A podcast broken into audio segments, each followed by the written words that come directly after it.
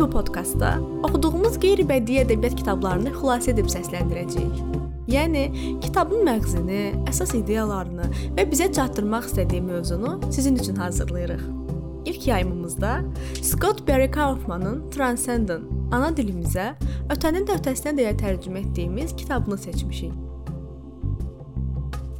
İndi siz də çayınızı süzün və birlikdə bir kitab bitirək.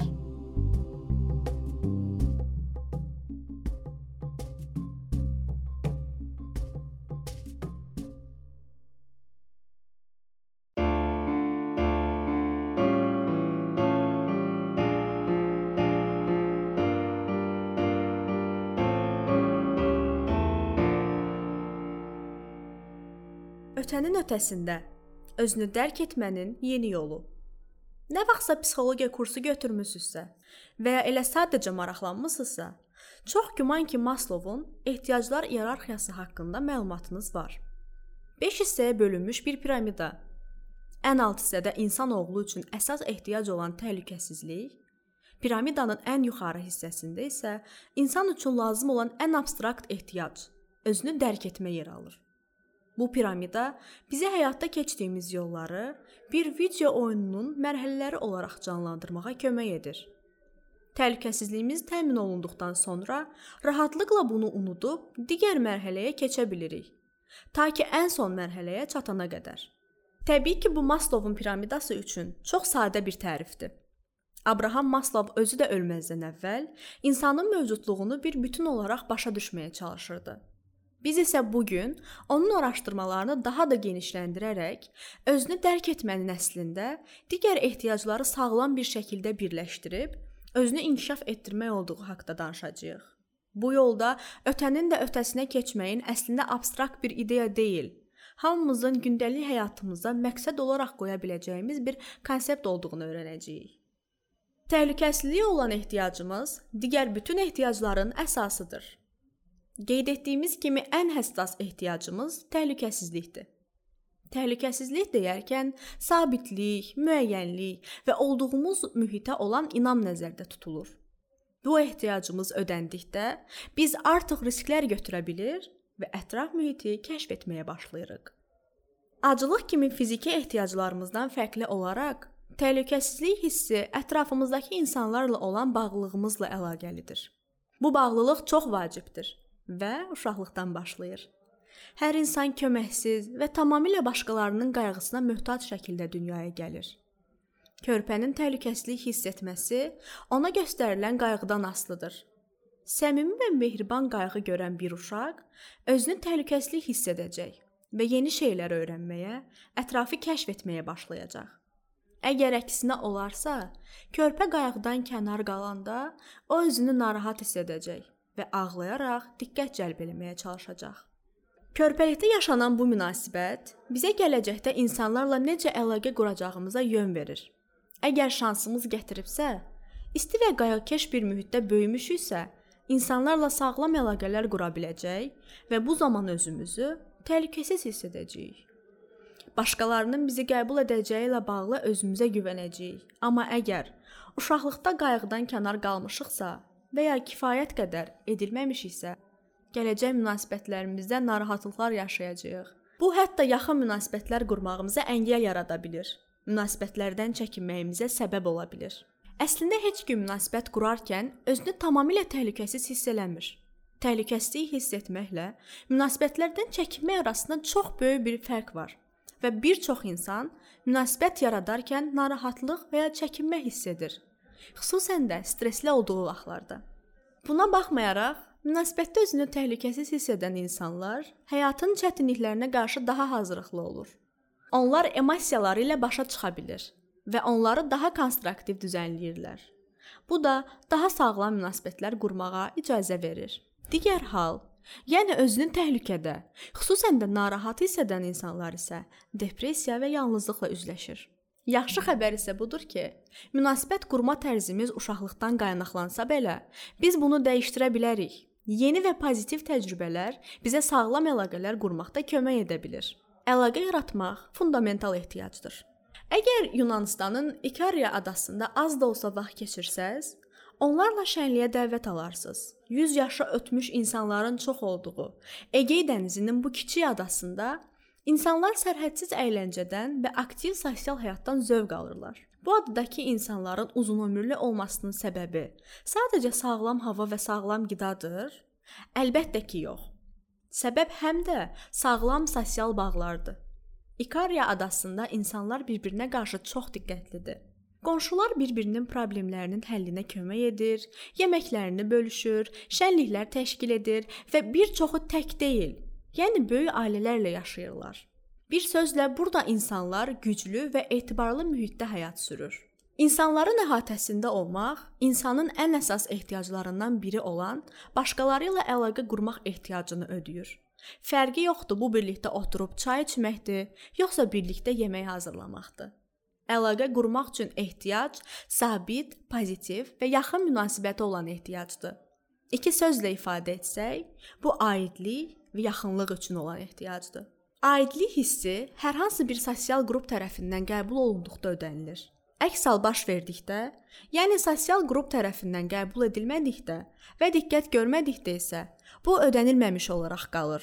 Aidliyə olan ehtiyacın ödənilməsinin nə qədər vacib olduğunu başa düşmək üçün bu ehtiyacın qarşılanmadığı hallara baxmaq kifayətdir. Sosial qrupdan kənarda qalmaq sadəcə bizim hisslərimizi incitməklə qalmır. Araşdırmalar göstərir ki, istənilməmək duyğusu fiziki ağrı qədər hiss ediləndir. Hər şey bununla da kifayətlənmir. Davamlı olaraq rədd edilmək yuxusuzluqdan tutmuş depressiyaya qədər neqativ hallarla nəticələnir. Bu danışdıqlarımız sizi əsla çaşdırmasın. Əlaqə qurmaq rədd edilməməkdən daha artığını tələb edir. Qurulan əlaqənin keyfiyyətindən də çox şey asılıdır. Bu nöqtədə daha əvvəl də qeyd etdiyimiz yaxınlıq özünü göstərir. Aidlik öz ətrafın tərəfindən qorunduğunu hiss etməkdir. Yaxınlıq isə sevgi, qayğı və yaxın münasibətdə olduğun insanları qorumaq istəyidir. Keyfiyyətli əlaqələr qurmaq üçün nələr lazımdır? Yaxın əlaqələr psixoloq Carl Rogers'ın adlandırdığı təmənnasız pozitiv münasibətə əsaslanır. Bu hal qrupdakı hər kəs özünü diqqət mərkəzində, qayğı görən və təhlükəsiz hiss etdiyində və özünü rahat şəkildə ifadə edə bildikdə baş verir. Yüksək keyfiyyətli əlaqələrdə həm də qarşılıqlı münasibət əsas yer tutur. Bu tip əlaqələr bizi hər zaman birlikdə daha çox şeylər etməyə cəsarətləndirir. Gülüşlər, əyləncə və bir-birinə mehriban münasibət göstərmək. Özünə hörmət və ya güclü ehtiram pozitiv nailiyyətlərinin nəticəsidir.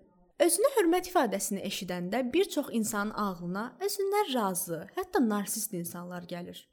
Özünə hörmət insanların ağlında həddən artıq eqonu canlandırır. Halbuki sağlam özünə hörmət tamamilə başqa şeydir. Özünə hörmətin narsistliklə və ya eqo ilə heç bir əlaqəsi yoxdur. Bunun tam əksi olaraq özünə hörmət həqiqi nailiyyətlərin və əlaqələrin nəticəsidir. Əgər özünüzə olan hörmət və qayğınızı artırmaq üçün həddindən artıq cəhd göstərirsinizsə, bu artıq sizdə bəzi problemlərin olmasından xəbər verir. Sağlam özünə hörmətin 2 aspekti var: özünə dəyər və məharət. İlk baxışda özünə dəyər dedikdə özümüzü necə dəyərləndirməyimiz və özümüzü necə insan kimi tanımlamağımız ağla gəlir. Lakin özümüzə dəyər bundan daha artığıdır. İnsanlar sosial canlılardır və bizim özümüzə verdiyimiz dəyər başqalarının bizi necə dəyərləndirməsindən də çox asılıdır. Əgər başqaları bizi bəyənirsə, tədqiqatçıların da dediyi kimi, bizdə əlaqəli sosial dəyər yaranır. Əlaqəli sosial dəyəri olan insanlar yaxın münasibətləri qurmağa və bu münasibətlərdə olan dəyər görməyə meyllidir. Bu dəyər nə qədər yüksək olarsa, bizim özümüzə verdiyimiz dəyər də bir o qədər yüksək olur. Özünə dəyərin digər hissəsi isə məharətdir. Məharət insanın dəqiq bir niyyətlə hərəkət etməsi, məqsədlərinə nail olması və öz arzularını həyata keçirməsidir. Bu insana səriştəli bir şəxs olduğunu hiss etdirir. Amma özümüzə verdiyimiz dəyər kimi mərhəmətimizi dəyərləndirməyimiz də başqa insanların da bizim işimizi necə dəyərləndirməsindən asılıdır. Kəşf etmək həyəcanı sizi bir insan kimi yetişməyinizə kömək edir. Heç oyun oynayan uşaqları müşahidə etmisiniz? Əgər etmisinizsə, çox güman ki, oyun oynayarkən uşaqların oyuna necə diqqət ayırdıqlarına və sanki real dünya ilə əlaqələrinin kəsildiklərini görmüsüz. Oyun oynayan uşaqlar həyatı böyük bir macəra kimi görür. Çox təəssüf ki, biz böyüdükcə macəra dünyamız kiçilir. Artıq yeni kəşflər eləməyə olan həvəsimiz azalır. Bu çox neqativ bir haldır. Çünki kəşfiyyat aparmağın insan üçün çox üstünlükləri var. Kəşfiyyat aparmaq yeni şeylər öyrənmək deməkdir. Həmçinin bəzi hallarda bu narahatlıqlarımıza və qorxularımıza üstün gəlməyin bir yoludur. Əgər biz böyüməyə və inkişaf etməyə davam etmək istəyiriksə, uşaqlardan nümunə götürməli və həyata kəşf edilməli olan yeni bir qitə kimi baxmalıyıq. Kəşf etmək nədir? Bu yeni məlumatlar öyrənmək və təcrübələr qazanmaqdır. İki cür kəşf mövcuddur. Bunlardan biri davranışdan qaynaqlanan, digəri isə idraqdan qaynaqlanan kəşfiyyatdır. Davranışdan qaynaqlanan kəşflərin isə özündə iki elementi var: sosial kəşf və macəra axtarışı. Siz bir fincan çay podkastına Ferrum Kapitalın dəstəyi və Milli Klubun səsləndirməsi ilə qulaq asırsınız. Sosial kəşfiyyat başqalarının həyatı ilə və onların nə düşündüyü haqqında maraqlananda baş verir. Bu həm də bizi yeni dostluqlar qurmağa, müzakirələrdə iştirak etməyə, yeni təcrübələr axtarmağa meyləndirir. Sosial kəşf bizi başqaları ilə əlaqələr yaratmağa və bu əlaqələrdən yeni şeylər öyrənməyə vadar edir. Macəra axtarışı isə öyrənmək və inkişaf etmək arzusundan, çətinliklərə üstün gəlmək və yeni bacarıqlar əldə etmək istəyindən yaranır. Bir çox insanlar dağa baxıb ona qalxmaq haqqında düşünərkən, macəra axtaranlar qorxularına üstün gələrək o dağa qalxır. Buna görə də onlar stressə qarşı daha güclü və daha dözümlü olur. Amma kəşfiyyatçı olmaq üçün dağları aşmağa ehtiyac yoxdur. Bu anda idrakdan qaynaqlanan kəşfiyyat özünü göstərir. Bu halda siz öz hissləriniz və ağlınızla kəşfiyyata çıxırsınız. İdrakdan qaynaqlanan kəşflərin 2 elementi var. Birincisi, yeni təcrübələri nə dərəcədə qəbul etməyimizdir. Bu özündə gözəlliyi dəyərləndirmək və fəaliyyətlərə tam diqqət göstərməyi birləşdirir. Yeni təcrübələrə açıq olan insanlar adətən hissiyatlı, empatiya qura bilən və başqalarının hissləri ilə maraqlanan insanlar olur. İkinci elementi isə intellektual hissə təşkil edir. Burada dünyanı abstrakt fikirlərlə dəyərləndirmək və başa düşmək nəzərdə tutulur. Bu yeni məlumatlar öyrənmək və yeni ideyalar kəşf etmək arzusudur. Əgər intellektual çətinlikləri sevir və fəlsəfi müzakirələrdə iştirak edirsinizsə, siz də intellektual kəşfiyyatçısınız. Məqsəd bizim həyatımıza məna qatır. Greta Thunberg çox məşhur iqlim dəyişikliyi aktivistidir. Amma o qəbul edib ki, o hər zaman bu qədər aktiv və bu qədər məşhur olmayıb. Yeniyetməlik dövründə o dostluqlar qurmağa çətinlik çəkib və vaxtının çoxunu otağında tək keçirib. Onun indiki aktiv həyatına baxanda Düzü bu faktlara inanmaq çox çətindir. Bəs onun həyatında nə baş verdi? O öz həyatında bir məqsəd tapdı. Məqsəd həyatımızın diqqət nöqtəsi kimidir. Həyatımızın mərkəzinə bir məqsəd qoyduqda, digər bütün fəaliyyətlərimizi və planlarımızı onun ətrafında təşkil edirik. Bu məqsəd bizə fəal olmaqda və daim irəli addımlamaqda güc və enerji verir. Məqsəd adətən bir çağırış kimi təsvir olunur və həyatda müəyyən bir yol izləməyimizə səbəb olur. Çoxları üçün bu çağırış işlə bağlıdır. Buna görə də elə indi özünüzə vaxt ayırın və düşünün. Öz işimi necə görürəm? Bu mənim üçün sadəcə pul qazanmağın bir yoludur, yoxsa irəlilədiyim və təlim aldığım müddətcə işim mənə maraqlı gəlir? Və ya bu iş elə mənim həyatımın mərkəzidir və pula ehtiyacım olmasa belə buna davam edərəmmi? İşin qazandırdığı puldan asılı olmayaraq, sənin üçün nə qədər dəyərli olarsa, həyatından bir o qədər məmnun olarsan. Bəs əgər heç bir məqsədin yoxdursa, onda necə? Və ya məqsədin var, amma ona çatmaq üçün resurs çatışmazlığı yaşayırsansa, əgər belədirsə, ruhdan düşməyə ehtiyac yoxdur.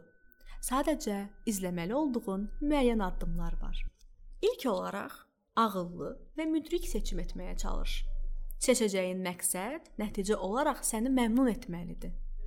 İkinci addım olaraq isə seçəcəyin məqsədin düzgün səbəbi üçün seç. Bu mənalı və dərin məqsədlər seçmək deməkdir. Məqsədlərini nə qədər əsaslandıra bilsən, motivasiyan bir o qədər artacaq.